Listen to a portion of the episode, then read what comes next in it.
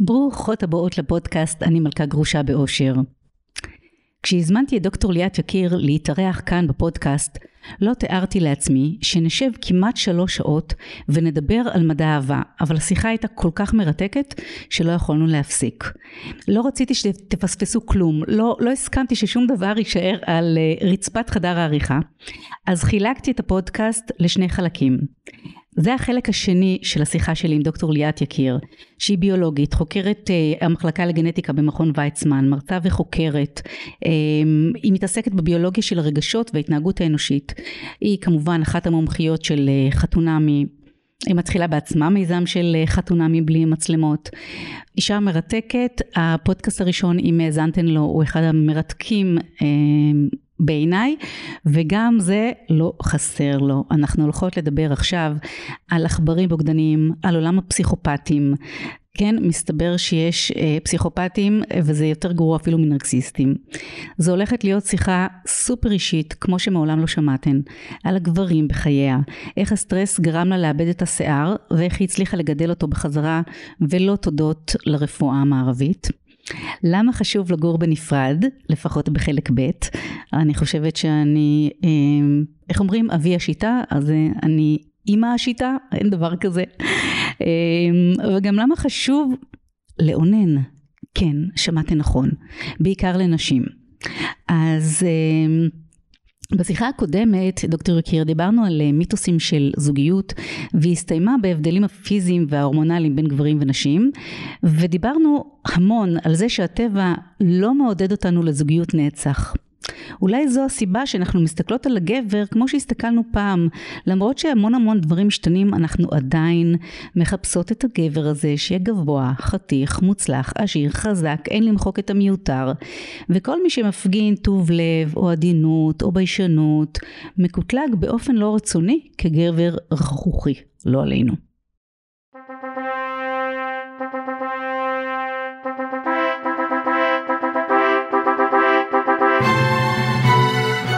היי, כאן גיא קורן עם הפודקאסט אני מלכה גרושה באושר. נדבר על אהבה, אהבה עצמית, זוגיות, יחסים, גירושים, פרק ב'. אני מטפלת, מרצה, מאסטר NLP, אשת תקשורת, סופרת, ובעיקר אופטימית חסרת תקנה. המוטו שלי בחיים הוא אני לא מלכה את עצמי, אני מלכה בעצמי. אני מדברת בלשון נשית, אבל גברים מוזמנים בשמחה, כי הכל נכון גם כשזה הפוך. אז בואו נתחיל.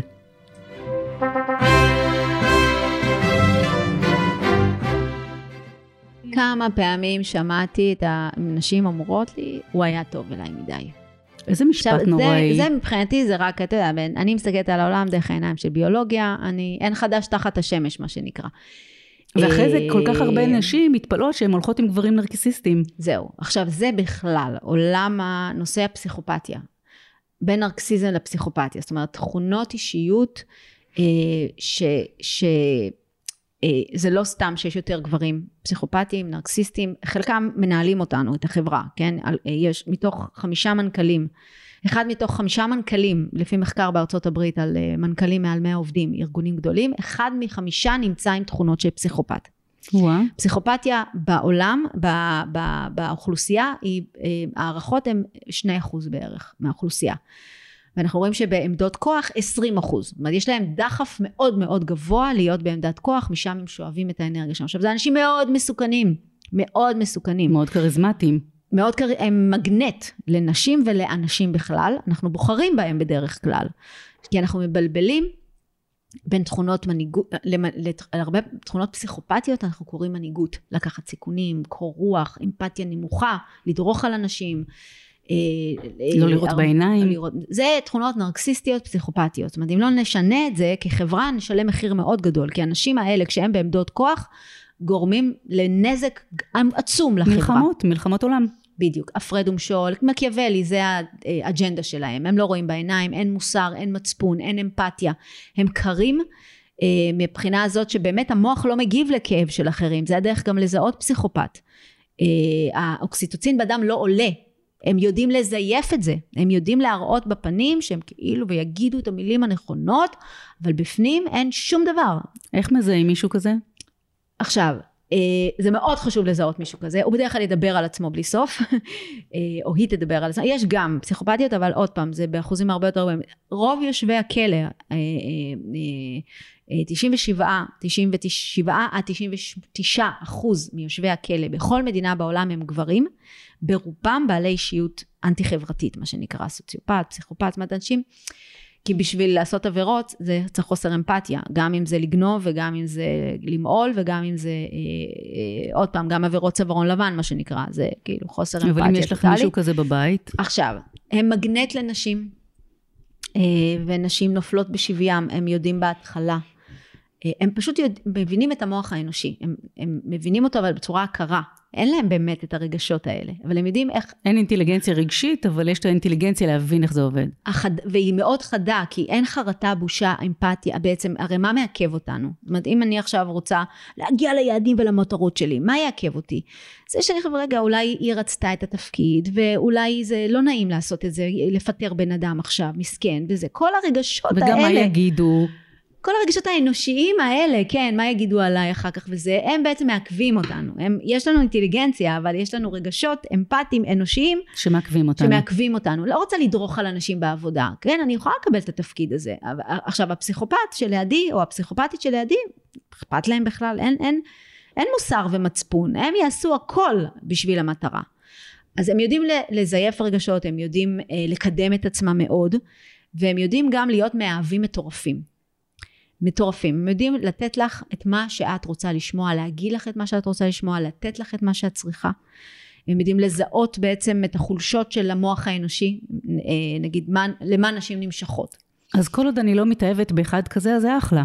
זאת אומרת, כן. אני יכולה להיות איתו באיזשהו קשר, בלי להתאהב, קשה לא להתאהב, כי באמת אה, הוא יכול להרעיף עלייך תשומת לב, ולהגיד כן. לך שאת אהבת חיה, ובחיים לא היה לו דבר אותך. כזה, את מתה. זהו, מי אמר לך את זה לאחרונה ככה, בצורה כזאת? כולנו רוצים להרגיש שאנחנו מיוחדים ויחידים בעולם, ושיתאהבו בנו בעד כלות. once את בתוך הרשת שלו, אבוד, הלך עלייך. זאת אומרת, אני מכירה מישהי שמטפלת באנשים שבעצם ניצולי זוג, מערכות יחסים פסיכופתיות. ואז שוב אנחנו עלולים לבלבל בין אותו אדם בעל מעמד עם כוח עם הכל ושוב זה גם שימפנזה עושה אותו דבר.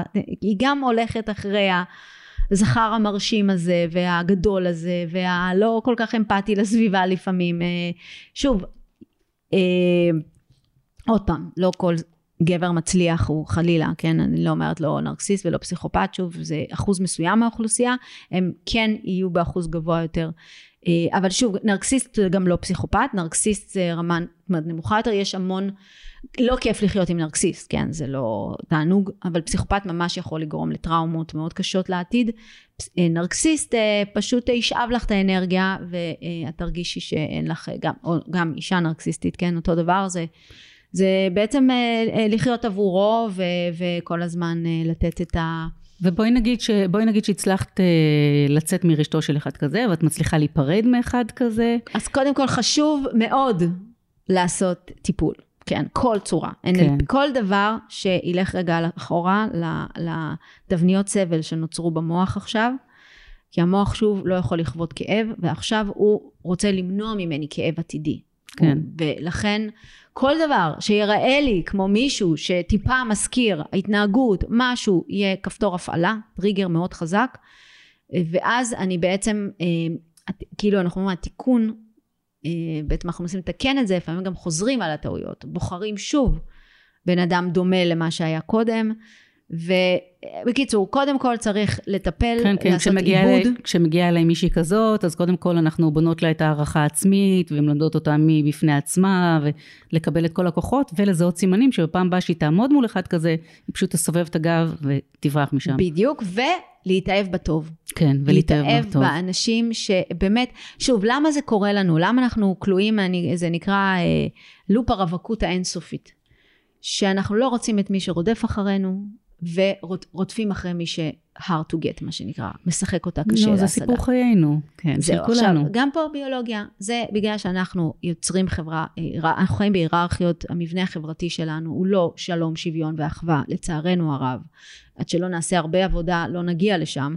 המבנה של כל היצורים בטבע הוא היררכי, אה, לייצר בעצם מעמדות, עכשיו, אם מישהו רודף אחריי ומראה עניין והתלהבות, סימן שהוא ליגה מתחתיי. ואם מישהו לא שם עליי ו-hard to get, כנראה שהוא ליגה מעליי, ואנחנו רוצים לשפר את המעמד שלנו על ידי הבן זוג, לא להוריד אותו. אז אנחנו לא נותנים צ'אנס לאנשים טובים שפשוט באמת נראים לנו אה, שהם... אה, אה, שאולי הם פחות.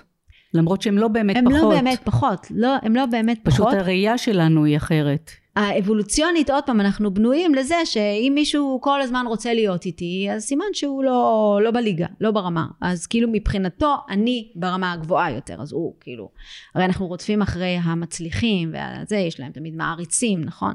ככל שבן אדם מעמד גבוה יותר, הולכים אחריו יותר.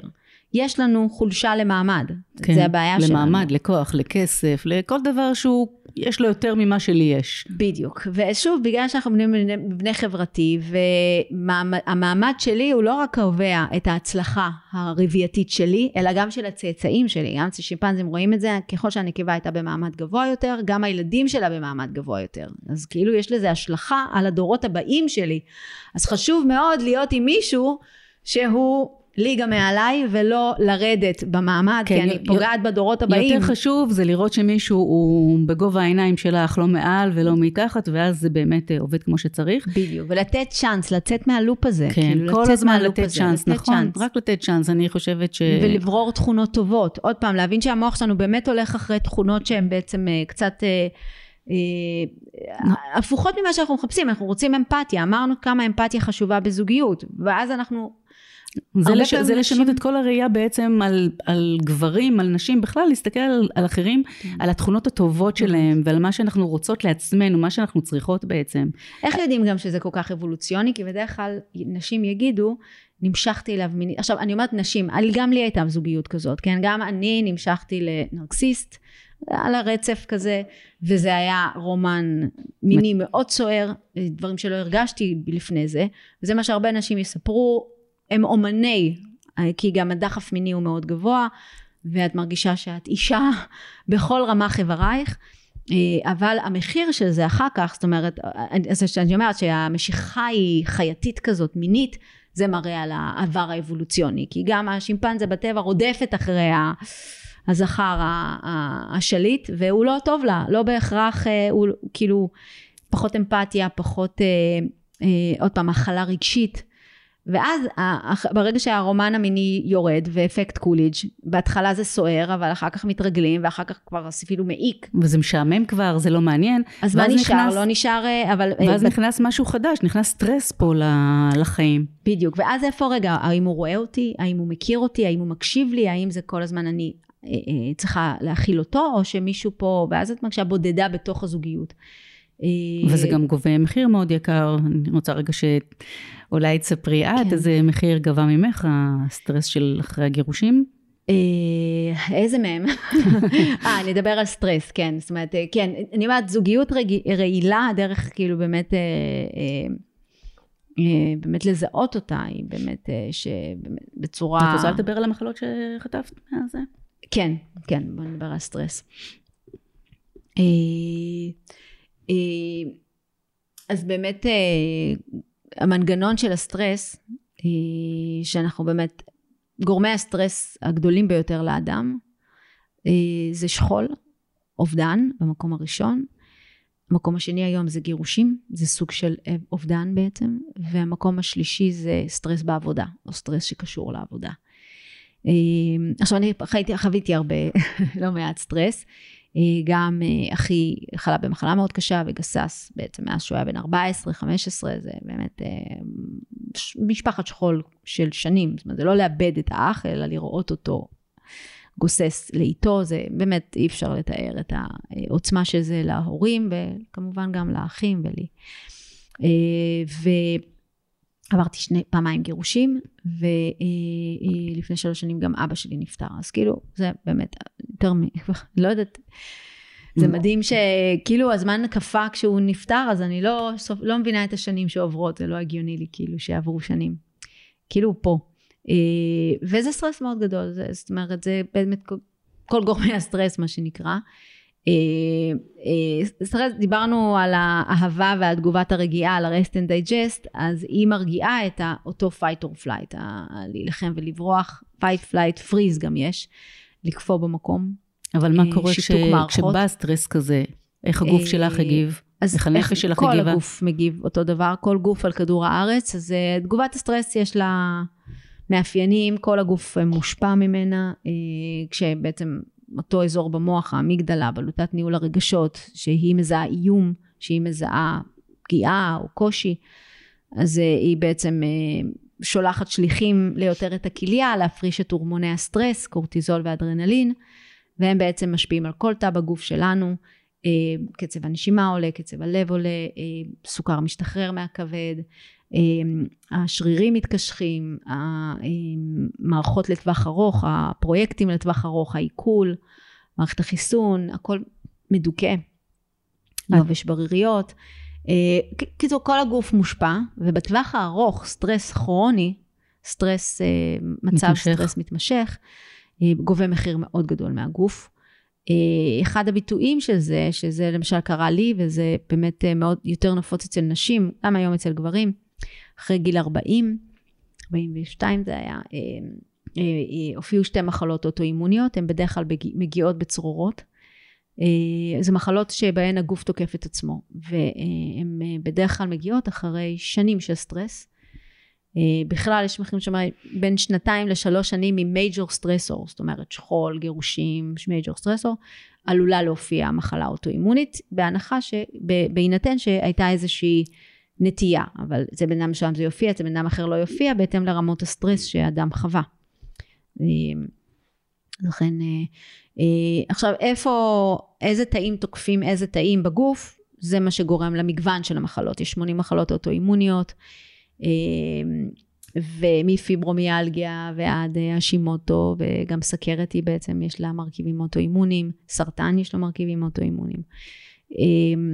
בעצם מערכת החיסונית יוצאת מבקרה, זה מה שקורה. הקורטיזול ברמה גבוהה לאורך זמן פוגע בבקרה של המערכת החיסונית את עצמה, כי כל הזמן תאים תוקפים תאים, אבל למערכת החיסונית יש מנגנונים שעוצרים את זה, כי תגובה אה, כמו אלרגיה למשל, זה כשאין בקרה, והתגובה החיסונית היא, היא מאוד חזקה. אה, הדרך אה, לחיות עם מחלה אוטואימונית זה בעצם באמת אה, ניהול הסטרס. זה בעצם לא, גם... אבל אי אפשר לא להיות בסטרס במצב שלנו. ולכן אי אפשר לא להיות בטיפול בעיניי, לדעתי, בעידן הזה.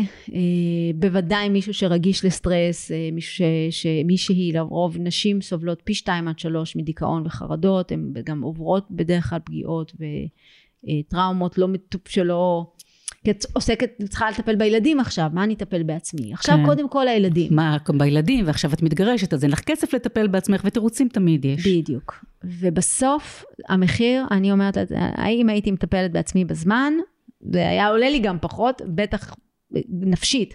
התחלתי לאבד את השיער, קרחות, זה נקרא אלופציה, כן. זה איבוד שיער. זה מה שיש נורא. עכשיו לאשתו של... נכון, וויל סמית. וויל כן. סמית, כן. אה, זה באמת, אה, כי, את יודעת, אה, יש מחלות שלא רואים אותן, אז מתמודדים איתן, נגיד, כמו, כאילו יש מלא מחלות, אבל אבל אני מסתכלת עלייך עכשיו, השיער שלך שופע. אחרי הרבה עבודה, דיקור, דיקור של המוח, של המוח, של הראש. דיקור של המוח, לגמרי. יפה, כי לא אצל כולם זה כן, עובד. כן, כן, זיהיתי בזמן, מה שעשיתי, אני הבנתי ש... בהרבה מאוד מובנים, בכל הנוגע לגוף ונפש, הרפואה המערבית עושה לנו נזקים רק. אה, וההזרקה הזאת של קורטיזול, של סטרואידים, כדי בעצם להקטין את התגובה החיסונית, זאת אומרת, זה מה שבעצם נותנים היום למחלות אוטואימוניות, המון סטרואידים. זה קודם כל לא מטפל בשורש של הבעיה, אה, ודבר שני, זה אפילו עושה יותר נזק, הסטרואידים האלה לגוף. אה, והרבה מאוד אנשים, זה לא ריפא אותם, בוא נאמר. חלק כן, אבל חלק לא. אה, ודווקא ברפואה המזרחית יש הרבה הרבה הרבה ידע, הרבה מאוד בעיניי מדעי לגמרי, פשוט לא חוקרים את זה כי גם לתעשייה יש אינטרס למכור תרופות. צריך להבין את זה, צריך להבין גם איך התעשייה הזאת עובדת של הרפואה. אה, יש לה הרבה מאוד אה, כשלים. כן, זה לפודקאסט אחר. כן, לגמרי. אז אני אומרת, אז אוקיי. במזרח, כל הנושא של גוף ונפש, החיבור, ובאמת, מערכת החיסונית שלנו מחוברת למערכת העצבים, נקודה. זה לא מערכות נפרדות, זו מערכת אחת, המצב הרגשי שלי משפיע על כל תא בגוף שלי, על כל מערכות הגוף שלי, ולכן כדי לטפל בבעיה צריך לטפל במקור שלה, ולהבין אה, שבאמת, אה, למשל טראומה, שכול, אובדן, אה, אם הם לא, אם האדם לא מקבל תמיכה ועזרה, אז זה עלול, ועוד עכשיו פשוט בגלל שאנחנו יצור שעושה הסקות אה, מיידיות, זאת אומרת אם עכשיו הפלנו, אם הכוס עכשיו נפלה אז יש שברים על הרצפה. אבל דברים שקורים שלוש שנים אחרי זה, חמש שנים אחרי זה, כאילו אנחנו לא רואים את ההקשר בין הגידול שהופיע כן. לבין הגירושים, או בין המחלה האוטואימונית לבין השכול. הרבה פעמים שכול. יש כל מיני באמת תופעות אוטואימוניות, או כל מיני בעיות של הגוף, גם אצל ילדים וגם נכון. אצל מבוגרים אחרי גירושים, אבל לא מיד אחרי הגירושים, אלא אפילו שנה, שנתיים, שלוש וארבע שנים אחרי. רואים בדיוק, את זה לא מעט. בדיוק, בגלל שלוקח זמן עד שהבקרה של המערכת החיסונית, עד שיש תאים רגולטוריים שהם אחראים, עכשיו הם לא בשנייה, כן. אוי, קרה לי משהו, בכיתי כל הלילה בגלל החוסר ודאות והקושי של, של הפרידה, אה, ומחר בבוקר אני אראה את התופעות, את השיער נושר חלילה. זה לוקח זמן עד שהתגובה באה לידי ביטוי, עד שבעצם המנגנונים אה, בגוף. אה, אז אני אומרת היום, באמת מה... כל הידע שיש לי, אני באמת רואה בזה שליחות. היום אני מדברת הרבה על סטרס, כתבתי על זה גם בספר. אה, על, אה, אה, ספר עוסק מאוד באהבה הזוגית, אבל מדבר הרבה על סטרס, גם בתוך הזוגיות, גם ניהול סטרס, גם ההשפעות של סטרס, וגם איך באמת... בואי נדבר על איך להיפרד נכון. כן, על, וואו. נכון? זה גם באבל, אובדן ושכול. אחד הדברים המרכזיים, גם במוות וגם בגירושים, זה שבעצם מתה לך תקופה. נכון. מת לך משהו שמאוד מאוד יקר לך, בין אם זה בן אדם, או... או מש... קונספט המשפחה. או קונספט המשפחה, או איזשהו רעיון, משהו שם מת, והרעיון הוא באמת לראות שיש חיים אחרי המוות, ולראות שהם יכולים להיות הרבה יותר טובים. שזה גם מה שאני עושה, כי גם אני חוויתי שכול שהיה לי בן זוג אה, שנהרג אה, כן. בצבא, וגם אחר כך התגרשתי, להבדיל אלף, אלפי כן. הבדלות, אבל באמת המנגנון שלך, איך שאת מתמודדת עם זה, הוא בסך הכל אה, די דומה. אה, נכון. כמובן אחד מת ולא תראי אותו לעולם ואחד את לא תראי אותו, ויש נשים שאומרות, אה, הלוואי שלא הייתי רואה אותו, אבל אה, עדיין זה שונה ויש בזה גם אלמנטים מאוד מאוד דומים. ואני שמעתי אותך אה, מספרת על, על זה שאפשר להיפרד נכון, מדברת על. איך נפרדים נכון. אמרת לא להילחם ברגשות שליליים למשל. נכון. שרק אני אשמח שתגידי לי איך לא נלחמים ברגשות שליליים ואיך מחבקים אותם. זה אה, אפשרי? לא, המובן הזה שלא להילחם ברגשות שישיים, הם גם, זאת אומרת, לתת להם להופיע.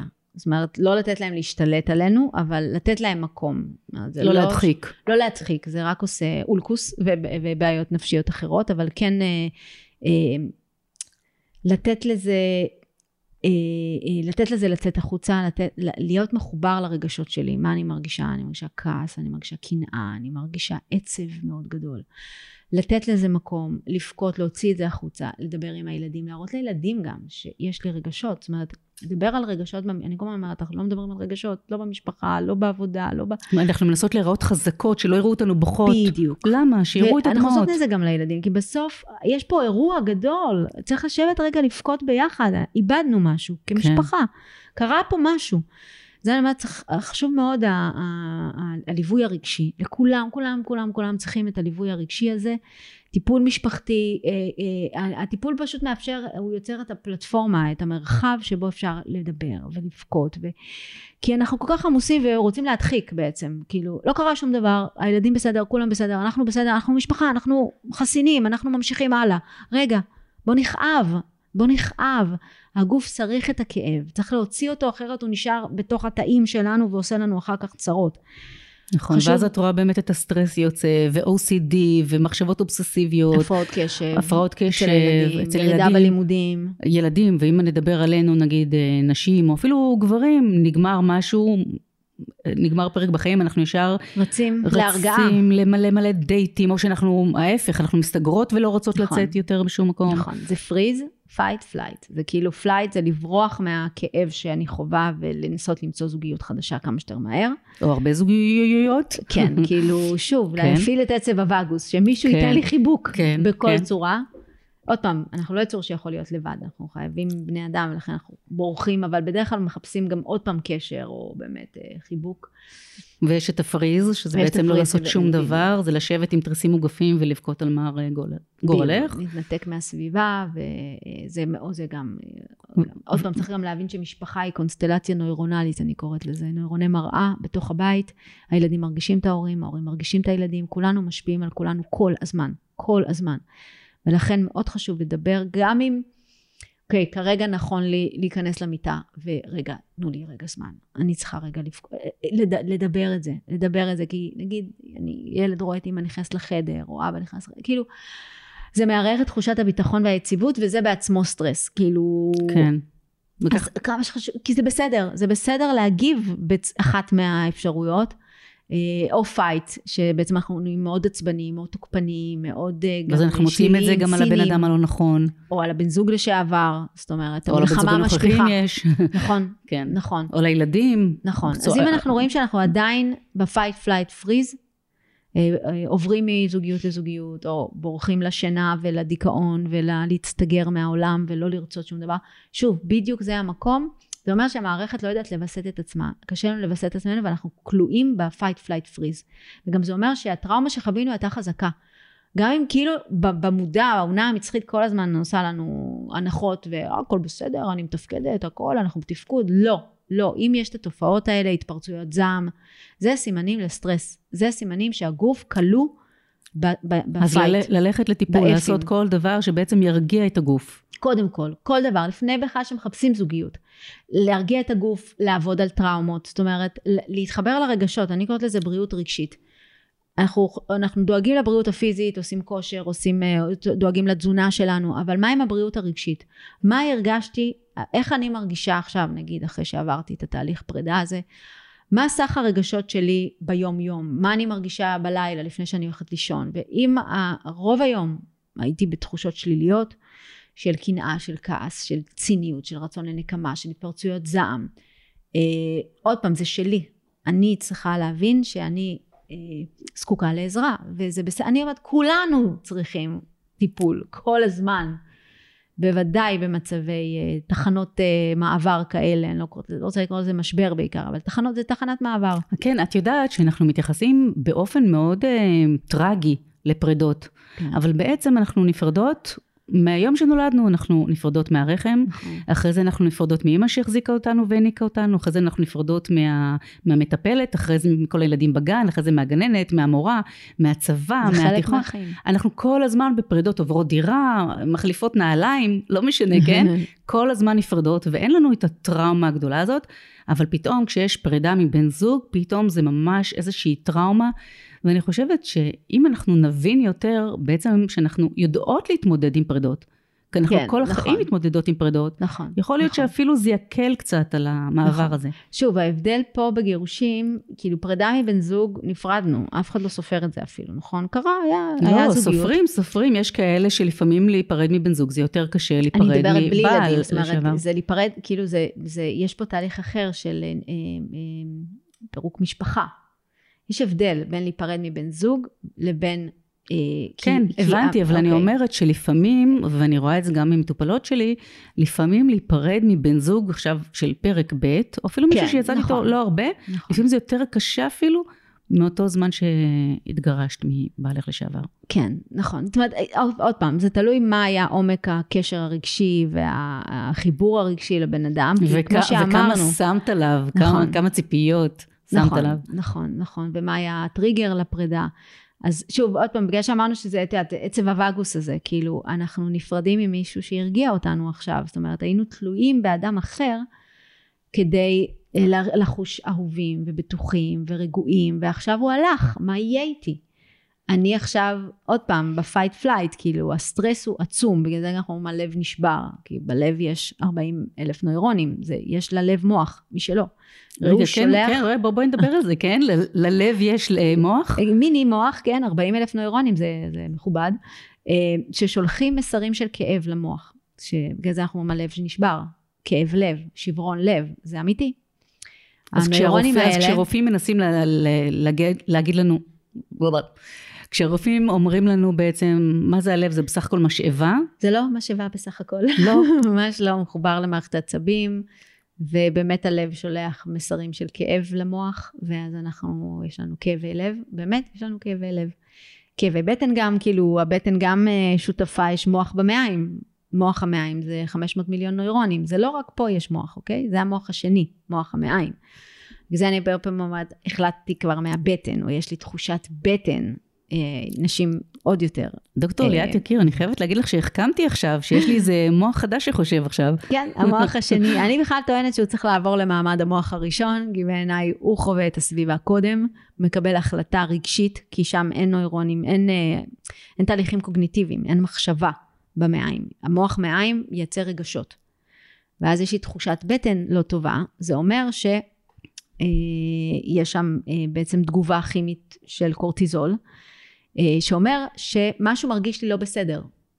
משהו עתיד לקרות, משהו בהתנהגות של הבן זוג שלי או של הילד, משהו נראה לי לא טוב, מה, או תחושת בטן לגבי מקום, עבודה, משהו, משהו אז, לא אז טוב. תחושת בטן זה לא איזה משהו אמורפי כמו שהיה נהוג לחשוב. ממש לא, ממש לא. זה תהליך חשוב מאוד. ואני כל הזמן השווצתי של שיש לי תחושות בבטן. בטן כאלה טובות, וזה בעצם הנוירונים שלי, הם כאלה חכמים. הם חכמים, המוח, המעיים מעוצבבים לגמרי, אל תשכחי, את יודעת מה האיבר הראשון שהתחלנו ממנו, את ה... יש זיגוטה, נכון? זרע וביצית, אה, כמה תאים נוצרים, התחלנו, ואז מה הדבר מורפולוגית הראשון שאנחנו, שיש לו צורה? לא לב, לא מוח, מוח זה מאוד מאוחר בעובר, פיתה בת. התחלנו מצינור עיכול. הדבר הבסיסי ביותר שנוצר בהתחלה של כל יצור חי זה צינור עיכול, מעליו כל השאר. זאת אומרת, מוח המעיים הוא הראשון, הוא היה פה קודם, מה שנקרא. ולכן אה, למה- אוכל, למה לכן אכילה רגשית. לאכול. בדיוק, אכילה רגשית. אה, ולכן אנחנו מרגישים פחד מהבטן, כאילו מרגישים את הבטן מתהפכת, הבטן מתכווצת, חרדה זה מהבטן. נכון, ואת רצה לשירותים כשאת בלחץ. כן, כן, ומעי רגיז וכל הסרטים של הפרעות עיכול והפרעות אכילה, אצל נשים עוד יותר. בעיניי מוח המעיים של נשים צריך לזכות למחקר מיוחד. אה, כי ממש. נשים, אה, עוד פעם, עוד פעם, בגלל גם, אני חושבת שה... אה, הנושא הזה של רגשות מהבטן הוא, הוא, הוא עוד, שוב כנראה זה בגלל היכולת הגבוהה יותר לזהות רגשות של רציתי להגיד פה. משהו משפט על מאיפה הגבר חושב, אבל אבל לא. אבל גם גברים עובדים לפי תחושת בטן, כאילו החשיבה שלנו היא חשיבה רגשית, קודם כל, מה שנקרא לא רציונלית זה בעצם רגשית, קודם כל הרגשות, ואז אני תמיד אומרת שהחלטתי כבר מהבטן, ההחלטה כבר מתקבלת על ידי המעיים, בעצם הם, הם כל הזמן אה, מקב- מזהים את הסביבה, אה, בעצם מזהים אותות של סיכון או ביטחון. נגיד נכנסתי לחדר, תחושת בטן זה אומר שהמוח מעיים סורק כל הזמן. מה קורה פה? מה קורה פה? זה מרגיש טוב מרגיש לא טוב מרגיש טוב מרגיש לא טוב מופעל גם על ידי נוירוני מראה נגיד נכנס לחדר ויש מתח באוויר מה זה מתח באוויר כולם בדממה והנוירוני מראה שלך מזהים את המתח של אחרים ואנחנו מרגישים את זה ואז התחושת בטן אומרת רגע משהו מה קורה פה אה, אז זה לא מהמוח כל הדבר הזה? הכל מהבטן. זה שולח, מוח המעיים שולח את המידע למוח המרכזי, והמוח המרכזי עכשיו משקלל. הוא משקלל. והוא בסופו של דבר מוציא לפועל החלטה מסוימת, נגיד נכנסתי לחדר, התחושת בטן הייתה משהו פה לא טוב. עכשיו יהיה החלטה האם לא להקשיב לתחושת הבטן, האם להגיד טוב לא נו זה בטח, בטח אני מדמיינת או בטח אה, אולי, אה, אולי זה בראש שלי מה שנקרא, או פשוט ללכת אחורה, לצאת החוצה, לעזוב את המקום נגיד. אה, אז אני טוענת שהבטן כבר החליטה ועכשיו המוח יבצע את ההחלטה של הבטן וייתן לזה את ההצדקה. אה, ייתן לזה כל מיני סיבות אה, למה עשיתי את זה. זאת אומרת, נגיד, אני חושבת שבגירושים זה יכול להיות מאוד חזק, שכבר החלטתי שזה לא, ועכשיו צריך לחכות שהעונה המצחית תעשה ותשקלל את הבעד ואת וכן, הנגד. ואם זה הזמן הנכון, ומתי, ו... בגלל זה אני חושבת שבזוגיות זה מאוד חזק, כי, כי, כי קשה לנו לשקר אה, ברגשות. זאת אומרת, בסוף יש כבר את התחושות בטן הלא טובות, את התחושת של חרדה, או שהקול של הבן אדם, המראה של האדם, גבר או אישה, לא משנה, נשתמש באותו זה, ש, שזה כבר עושה לי רע. עושה, הוא לא אמר שום דבר, הוא לא עשה שום דבר, אבל כבר כל הדבר הזה עושה לי רע. המאפיינים החיצוניים, ואז, מה תגידי? כאילו, מה, הוא לא עושה לי שום דבר, אבל כבר התחושות בטן כל הזמן לא טובות, כל הזמן לא טוב לי. אני בסטרס כבר, במקום ב, ברגיעה וביטחון ואהבה, אני בסטרס כשהבן אדם חוזר הביתה או כשהבן אדם נמצא לידי. אז כבר הבטן החליטה שהיא לא רוצה להיות, זה, זה לא מקום של ביטחון. ועכשיו האונה המצחית אומרת זה לא הזמן, הילדים קטנים, או זה לא זה, ומה יהיה איתך? עכשיו הפחד מחוסר ודאות הוא סטרס יותר גדול מהסטרס שאני חווה עכשיו, כי הסטרס הזה הוא מוכר, אוקיי? אני כבר יודעת איך להתמודד עם זה. מה מחכה לי? מה אי ודאות שאלת השאלות, הוא סטרס יותר גדול. האם יהיה יותר גרוע? זאת השאלה. ואין לי שליטה גם, זה כבר לא תלוי בי, אני מעבירה את השליטה לאחרים. שמישהו פתאום ירצה אותי שוב פעם, אני אצא לדייטים ואני צריכה, אני תלויה, הופכת שוב להיות תלויה.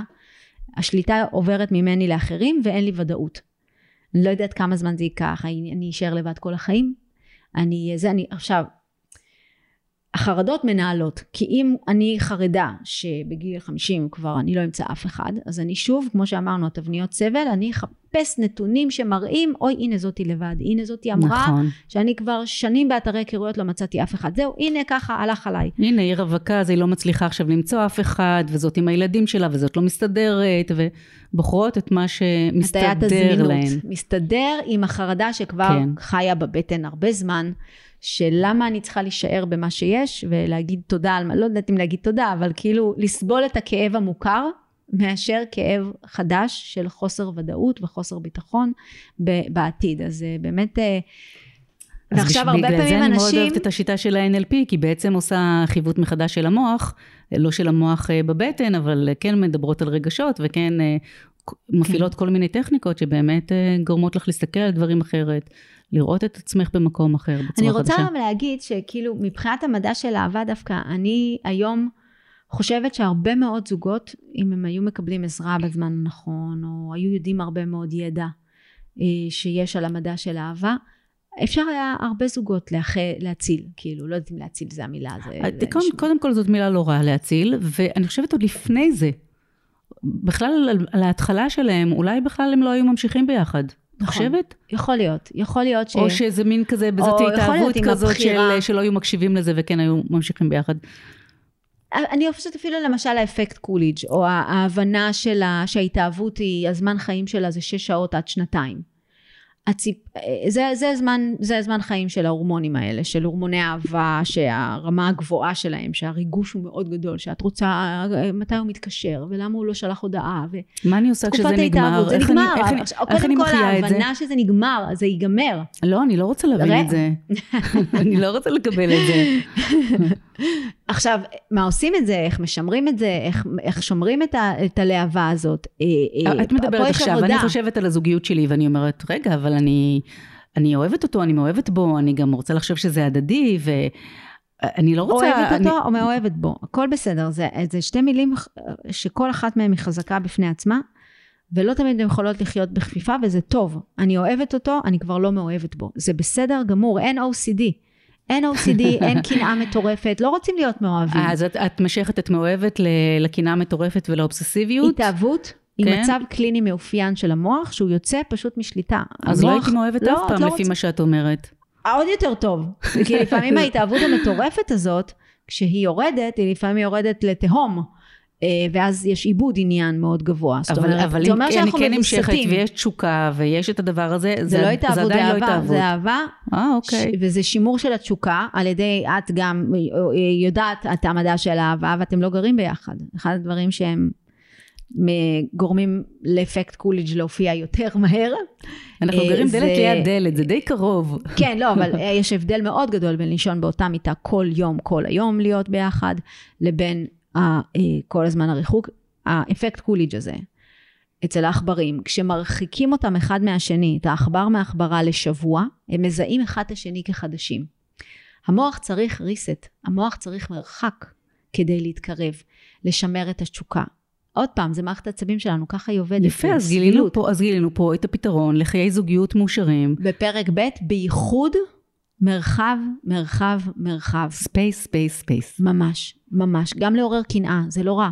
אני היום באמת אה, עוד פעם, לא מוגזם ולא באמת אה, ולא של רכושנות, אלא כן. קצת איזין קטן כזה, נעים. הכל בסדר, יש לי חברות, יש לי חיים, יש לי הקול הלא מושג הזה לפעמים, עוד פעם, לא בהגזמה. לא, לא בהגזמה, אבל, אבל כן באמת כן. לצאת עם חברות, לשבת באיזה בר, לא בשביל שמישהו מעולה. יתחיל איתי, אלא באמת כדי לצאת עם עצמי וגם אנחנו זקוקים לאנרגיה המינית הזאת מבחוץ, אנחנו זקוקים לזה. זה לא אומר שנשכב עם כולם, או חלילה. או כאילו, עם אחד אחר. מה שרוצים שיעשו אנשים, זה אני כל הזמן אומרת לעצמי, אחר כך אני... לא, אני חושבת על הבן זוג שלי שמקשיב לפודקאסט, את יודעת, אז אני שוקלת מילים. לא, לא, אני בכלל אה, מאוד קנאית, אה, אבל אני אומרת, יש משהו ב...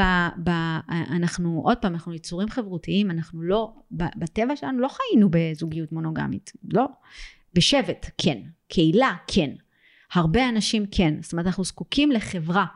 בגלל זה הקורונה שיגעה אותנו, כי מה זה עכשיו להיות 24 שעות, 24-7 עם אותו בן אדם? צריכים ללכת, להתרחק ולחזור, להתרחק ולחזור. ובלהתרחק אנחנו צריכים לראות עוד אנשים, עוד גברים, עוד נשים. האנרגיה הזאת, האנרגיה המינית הלא ממומשת, בעצם זה שמישהו מסתכל עלייך, את מסתכל, הכל בסדר. זה חלק מהחוויה האנושית. זה חלק מהחוויה האנושית, זה מעורר אותנו, זה נותן לנו את ה... את ה, את ה זה מעלה לנו את הטסטוסטרון. טסטוסטרון הוא מאוד מאוד חשוב כן, לרווחת חיים שלנו. כן, גם את רוצה שלנו. להרגיש שאת שווה, את רוצה להרגיש שאת נחשקת, אה, הבן זוג שלך רוצה להרגיש ואת ככה. ואת רוצה שגם להרגיש שהוא נחשק. בוודאי. את יודעת שמחקרים מראים שברגע ש, שיש זוגות, יש מחקר על זוגות שחזרו, שזה מאוד מעניין. נפרדתם, עשיתם את כל הטררם, חזרתם. חזרו, התחתנו, חלק התחתנו, חלק לא. מה גילו? שהיה, מה, איזה מימד חזר כשהם נפרדו? המימד של הקנאה והתשוקה. זאת אומרת, ברגע שהאישה ראתה את הגבר שלה, את הנעל בית המשומשת שהיא כבר לא נמשכה אליו, נערות, אה, בחורות צעירות, לא חלילה נערות, אבל בחורות אה, צעירות או, או, או יפות כאלה פתאום רוצות את הסחורה הזאת, או ההפך, הגבר לאשתו שהייתה בשבילו מובן מאליו וזה וזה פתאום יש לה מישהו, זאת אומרת הקנאה הזאת חזרה, המיניות התעוררה מחדש והכל, ובעצם היה איזה פשן חזק, חזק, אז היה ריחוק, היה קנאה וזה בעצם מראה שהחיבור הרגשי היה קיים. המיניות ירדה מאוד. זאת אומרת שאם ל... אני רוצה ל... עכשיו לעורר אהבה מחדש, אני צריכה קצת להתרחק, קצת שיקנא בי, או קצת, שיקנא לי, כן? כאילו יש לא לך... שיקנא בי, שיקנא לי. כן. כל הנושא הזה, כמו שאמרנו, עם הלופ של המעמד החברתי, זאת אומרת, אנחנו רוצים אנשים שהם עם, מוקפים באנשים, ורצויים, ואהובים, ואם יש, אם הבן זוג הוא תלותי, או שהוא אה, תולה בנו את כל הבריאות הרגשית שלו, זה מוריד. אגב, זה מה שקורה זה להרבה מוריד. נשים, שהן אומרות, וואי, תפסתי את הגבר שאני רוצה, ואז הן נעשות תלותיות. ואז הוא כבר לא רוצה זה אותן. זה מוריד, כן. כן. כי ששוב, זה מראה שאני שווה יותר, אז רגע, אני לא רציתי לעלות. ובגלל זה מאוד פתאום, חשוב קודם ש... קודם בהתחלה הייתה לא מושגת, עכשיו היא פתאום... ב- בדיוק, בגלל זה מאוד חשוב שנשמור על העצמיות שלנו גם בתוך קשר. בדיוק, נפרד, זה נקרא נפרדות בתוך הזוגיות, נפרדות זה... must, כי באמת זה כל הזמן משמר את ה... עוד פעם, אין מה לעשות, זה בסוף אנחנו, כאילו אנשים אומרים אה, וזה... אה, זה מבאס לחשוב את הדברים האלה שאנחנו צריכים הזמן לעשות כאילו לשחק, קצת לשחק. כן, אני כן רוצה להראות תלותיות, אני כן רוצה להראות לו שהוא הדבר שבשבילו אני קמה בבוקר. לא, לא, לא, לא, לא. ממש לא. אני בן אדם בפני עצמי, אנחנו מאוד נמשכים לאנשים כאלה, אנשים עצמאיים, אנשים שבעלי ביטחון עצמי, אנשים שמוקפים, לא מוקפים, אבל שיש להם חיים. יש להם חיים, אף אחד לא רוצה שיחיו דרכו, שישאבו את האנרגיה ממנו, אלא לייצר... אה, אה, אה, שוב, אנחנו גם כל הזמן, זהו, יצורים חברתיים, זאת אומרת, שאני מגיעה למסיבה ורואה שבנות מסתכלות על הבן זוג שלך, בום, זה מדליק. אה, וואלה, כי אנחנו בסוף יצור תחרותי, חברתי, כאילו אנחנו... כן, יצר התחרותיות טבוע בנו. טבוע בנו, ואז אחרות רוצות אותו, וואלה, הוא שלי, בנות הוא שלי. אה, זה מעורר מחדש את ה... הבן זוג שלי לא מבין למה אני כותבת פוסטים כל הזמן בפייסבוק ואני שמה תמונות שלנו. אמרתי, אני כמו כלב, אני השתנתי, זו הטריטוריה, אני סימנתי, עכשיו נראה אותך. כן, אז אנחנו, השימור הזה הוא מאוד חשוב. אה, אז אני אומרת, כאילו, איכשהו קצת ללמוד, אה, עוד פעם, הנושא הזה של אפקט קוליג' והירידה במשיכה לאותו בן זוג, פשוט איך זה פוגע לנו ביחסים הזוגיים, זה אה, אה, מתחיל להוביל ל, לירידה במשיכה, ירידה באוקסיטוצין. עכשיו, אה, גם פחות מדברים, ואז נוצרים תסכולים. זאת אומרת, הצד השני, נגיד מרגיש ש, שבעצם הוא דוחה אותך, נגיד את לא רוצה, או הוא לא רוצה, זה, אנחנו עושים סרטים בראש. אז הוא נרתע ממני, אני לא מספיק יפה, אני לא מספיק מושכת, הוא מרגיש עם עצמו, אני לא מספיק גברי, אני לא מספק אותה, אני לא מספקת אותו, ווואו, גלגלים בתוך הראש. עכשיו, שני נושאים מאוד קריטיים לזוגיות שכבר אה, אה, לא מדברים עליהם, מין וכסף. והם קריטיים. אפקט קוליג' הוא חלק מהחיים שלנו. אנחנו לא יכולים להימשך בצורה מטורפת לאותו בן אדם לכל החיים, נקודה. נקודה. גם אם יביאו לך את האביר על הסוס הלבן עכשיו, תגורי איתו, תחי איתו, תשכבי איתו כל יום, כל ערב, זה ירד. אין מה לעשות, זה, זה יורד, זה חלק מהביולוגיה שלנו. עכשיו, מה שאנחנו צריכים להסיר, להסיר מתוך זה, זה את הבושה, תסכול, אשמה. אין פה מקום לרגשות האלה, כי זה חלק מהביולוגיה.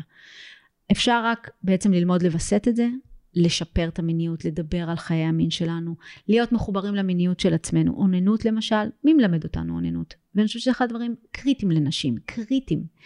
כי ההורמונים האלה, אם אנחנו לא מייצרים אותם כל הזמן, אנחנו יכולים להסתדר בלעדיהם. אפשר לחיות בלי מין, אישה יכולה לחיות בלי מין. יש לי מטופלות ששבע שנים בזוגיות ולא קיימו יחסי מין. וגם לא אוננו. זה מאוד חשוב גם העניין של האם בכלל הם גירו את עצמם. אבל יורד החשק. כאילו, עוד רמב"ם אמר את זה, מרעיבו רעב, משביעו שבע, זה נכון, כן. מבחינה הורמונלית. ככל שאנחנו יותר פעילות מינית, אנחנו יותר אה, אה, אה, אה, רוצות, נמשכות, הטסטוסטרון נשאר על רמה גבוהה, כי כל פעם שמאוננים, הטסטוסטרון עולה. עכשיו, נשים שהן פעילות מינית, הם גם, תסמיני גיל המעבר שלהם יורדים בצורה משמעותית. אה, כי זה פעם משמר את הורמוני המין. כל פעם שעושים את הפעולה הזאת, הורמוני המין עולים. דרך מצוינת להעלות אותם. אה, וגם סרוטונין מופרש במוח ודופמין. בעצם החגיגה של הורמונים במוח, אנדורפינים, זה אה, פעילות מינית. לבד או ביחד. שוב, הדמיון שלנו מפעיל את אותם נוירונים, 70 אחוז, זה, 70 אחוז מהנוירונים שפועלים כשאת עם מישהו, פועלים כשאת מדמיינת מישהו, אה, ועושים את זה כאילו עם עצמנו. אז, אז האם אנחנו שואלים את עצמנו בחיי הזוגיות, כמה אני מעוננת? ירד גם הדחיפות של זה? כמה אני מחוברת לגוף שלי? צריך להיות מחוברת לגוף שלי בשביל להתענג על עצמי, ליהנות מזה עונג עצמי. אני היום בכלל חושבת שכל זוג חייב, צריך, כדאי אה, אה, אה, לימוד טנטרה או סדנאות של טנטרה, כל מה שקשור לטנטרה. כי טנטרה מאוד מחוברת למוח הנשי בעיניי. היא מבינה שסקס עושים מהמוח, לא מהגוף, מהמוח. וחלק מהמיניות שלנו נובע מחיבור רגשי. ואם אין לנו חיבור רגשי לבן אדם, ואי אפשר שיהיה חיבור רגשי כל הזמן לבן אדם. זה מעצ... אנשים מעצבנים אחד את השני, הילדים מעצבנים, הכל מעצבן. וסטרס מוריד דחף מיני. מוריד דחף מיני. אם כעסנו כל היום אחד על השני, או התאכזבנו כי היה לנו איזו ציפייה גדולה היום וזה לא קרה, אי אפשר בערב פשוט uh, להפעיל איברים והכל יקרה, זה לא יקרה. צריך כן. חיבור רגשי, צריך להוריד סטרס. Uh, אצל נשים למשל... אף פעם לא הבנתי את הדבר הזה של makeup uh, sex. אני עצבנית, אל תיגע בי. אל תיגע בי, נקודה. סימן קריאה. עכשיו, אצל נשים, העונה המצחית, זה, העונה המצחית זה החלק היחידי במוח שלא פעיל בזמן סקס, וזה החלק של השיפוט, הביקורת העצמית, ההלקאה העצמית, מה שאת קוראת לזה. אה, המחשבות, הילדים, הכלים בכיור. 24-7. עכשיו, אצל גברים החלק הזה נחבא, העונה המצחית, כשהם מעוררים מינית. איך שזה עומד, זה יורד. אמיתי, בתוך מכונה רואים את זה. כשגבר מעורר מינית, מיד החלק הזה נחבא. אצל אישה, מתי החלק הזה נחבא? רק באורגזמה. אז למי קשה יותר להגיע לאורגזמה? לאישה? לאישה. כי זה פה. איך אני נראית, איך אני זה, איך אני זה, אה, אז אני לא הבנתי אותך מקודם, הסטרס. אני חשבתי שזה נכבה על ההתחלה. לא, אז זהו, אצל גברים זה, נכ... זה נכבה באורגזמה. ולכן לנשים יותר קשה להגיע לאורגזמה. וגם אם תוסיפי את הסטרס... כי אנחנו כל הזמן חושבות וחושבות וחושבות. בדיוק, עסוקות במחשבות. ועכשיו, למה המוח בנוי ככה? זה עוד פעם, יתרון, אם זה קיים, יש לזה יתרון. למה מוח האישה בנוי ככה ומוח הגבר, הזכר בנוי ככה?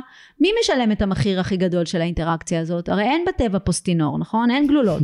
מי ישלם את המחיר? האישה? רק. היא רק מטפלת, מגדלת, תישא אותו ברחם, תשלם משאבים אדירים בשביל הרגע הזה. אז מי צריך להפעיל יותר שיקול דעת? ברור שהיא. הוא כמה שיותר, אל תחשוב פעמיים מה שנקרא. באמת רואים את זה שלגברים יש יותר, אה, כל, רוב ההטרדות והעניינים זה אה, באמת, אה, אני אומרת, בסוף הכל זה מבנה המוח. נבין את מבנה המוח, נבין גם את המיניות שלנו אחרת. עכשיו, הטנטרה עוזרת קודם כל להפחית סטרס, לחבר את האדם קודם כל אל עצמו. הטנטרה מתחילה מעונג עצמי, לא מעונג של האחר. גם אנחנו כל הזמן מרצות. אז אנחנו גם בסקס חושבות שכאילו צריכות להיות שחקניות פורנו עכשיו, בשביל גם, עוד פעם, זה בשבילו, זה לא, בכלל. לא, עברנו את השלב הזה כבר, לא? יש נשים שעדיין מרגישות שזה משהו בשביל הגבר. יש עדיין נשים ש... או יכול להיות שלפעמים הדחף יורד, או יש ילדים קטנים, ילדים קטנים בבית מורידים דחף מיני. אני אומרת, גם הגדולים מורידים דחף מיני, כי הם גורמים לסטרס. עכשיו, בכלל, אם יש פעם... מישהו בסביבה, הוא מוריד את הדחף, ת, ת, תשאירו אותנו לבד. אה, אז, אז, אה, אז אה, הטנטרה פשוט מלמדת את העניין הזה של באמת ל, ל, איך לעשות אהבה, באהבה, תוך חיבור רגשי. ושוב, לא נשכח שהיצורים עם הטסטוסטרון, החבר'ה האלה, הטסטוסטרון לא עושה להם טוב ל, ליכולת זיהוי רגשות, והוא כרגע לא בדיוק רואה שאת צריכה חיבור רגשי בשביל להיפתח. אה, הטסטוסטרון מאוד מרוכז בעצמו, זה הורמון שדואג שאני אה, אחשוב קודם כל על הצרכים שלי לפעמים. אז אני אומרת, אנחנו צריכים ללמוד לעשות אהבה, לעשות את המיניות שלנו, להכיר את המיניות שלנו, לשפר את המיניות שלנו, לדעת מה אנחנו, אה, מה, מה עושה לנו טוב, מה אנחנו רוצות, כי לא אמרנו את זה קודם, אבל בהתחלה, אני אומרת, לא, לא, לא, לא היינו מחוברות לעצמנו ולא תמיד אמרנו מה אנחנו אוהבות ואיך אנחנו רוצות לעשות אהבה ומין, מה עושה לנו טוב, מה לא עושה לנו טוב, אבל היה את ההתאהבות, אז ההתאהבות כיסתה על הכל, אה, רוצים להיות כל הזמן. עכשיו, ברגע שאפקט קוליג' מגיע, ואז זה כבר הופך להיות יותר, אה, יותר אה, אה, נוכח, מה אני רוצה, איך אני רוצה, וקשה לנו לדבר על זה, לא תמיד אנחנו מדברים על זה, לא תמיד אנחנו אומרים את זה.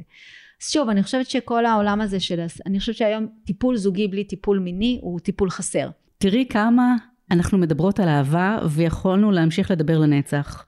וקראת לספר שלך קיצור תולדות אהבה. איך אפשר לקצר פה משהו בכלל?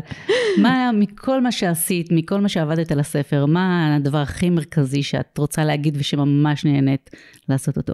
אה, האמת שבאמת אה, מאוד נהניתי.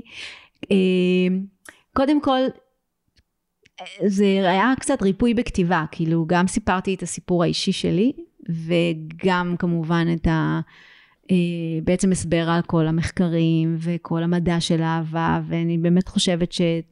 זה ידע שאנחנו צריכות אותו מאז שאנחנו נערות, גם גברים, גם נשים, ושאנחנו מתבגרות, וגם כאילו זה לנכדה, בת וסבתא, וגם כמובן לבנים. בוא נבין רגע, כל הדברים האלה שאנחנו עושים אותם כל כך כמובן מאליו וכל כך אינטואיטיבי, איך אנחנו בוחרים בני זוג, איך אנחנו מייצרים זוגיות, איך אנחנו נשארים בתוך זוגיות, מה קורה כשהזוגיות נגמרת, כל זה כאילו בוא, בוא נבין את זה לעומק, אז מאוד נהניתי לכתוב את זה ובאמת להנגיש את זה אה, בצורה שכל אחד יוכל להבין, כי זה לפעמים הרבה שיח הורמונים וכימיה וביולוגיה, אבל באמת אה, גם אני מרגישה שזה כאילו סוג של אומנות כזאת של להביא את זה לגובה העיניים. והחלק שהכי נהניתי ממנו, אה, דווקא אחרי שכתבתי את הפרק על עתיד האהבה, שהוא לא היה כל כך אה, אופטימי, אה, דווקא אחרי החלק הזה הקדשתי הרבה לכתיבת המרשם המדעי לשימור הזוגיות. מבוסס כאילו על ה, בעצם על הביולוגיה, איך משמרים את הזוגיות, אז אני חושבת שזה, מבחינתי, השאיפה שלי זה שזה יילמד בבתי ספר. הלוואי. אמ, כדי שבאמת אה, אה, נלמד לעשות אהבה, כי אני חושבת שבאמת המשפחה היא כוח אדיר, כאילו, בכל הצורות שלה, כן? אבל כאילו אם מגיל מאוד צעיר אנחנו מבינים ש... איך לעשות שזה יחזיק, איך לעשות שזה, שנצליח אה, באתגר הזה, כי באמת יכול להיות שבעתיד זה יהיה כזה זוגות בהכחדה, זה יהיה משהו כזה, אוי, הם ביחד מגיל 20, אה, וואו, זה כזה יהיה במוזיאון. בואו נכין עליהם סרט תיעודי. כן, הם יהיו במוזיאון. אני אומרת, לא, לא, אפשר דווקא היום, כאילו, עם הידע הזה, להבין איפה, איפה התחנות שניפול בהן בדרך, וניפול, כאילו, אין, כאילו, זה חלק מהביולוגיה שלנו. אז איפה המקומות האלה, ושם באמת נעשה את העבודה הזאת אה, כדי ל... כדי שנוכל לקום חזקים יותר. כן. דוקטור ליאת יקיר, קיצור תולדות אהבה, אפשר לדבר על זה באריכות רבה. היה לי לעונג. גם לי, תודה רבה. תודה רבה לך, ואהבתי מאוד מאוד את השיחה שלנו. מקווה שגם אתן נהנתן, ולהתראות בפרק הבא של אני מלכה גרושה באושר. תודה רבה.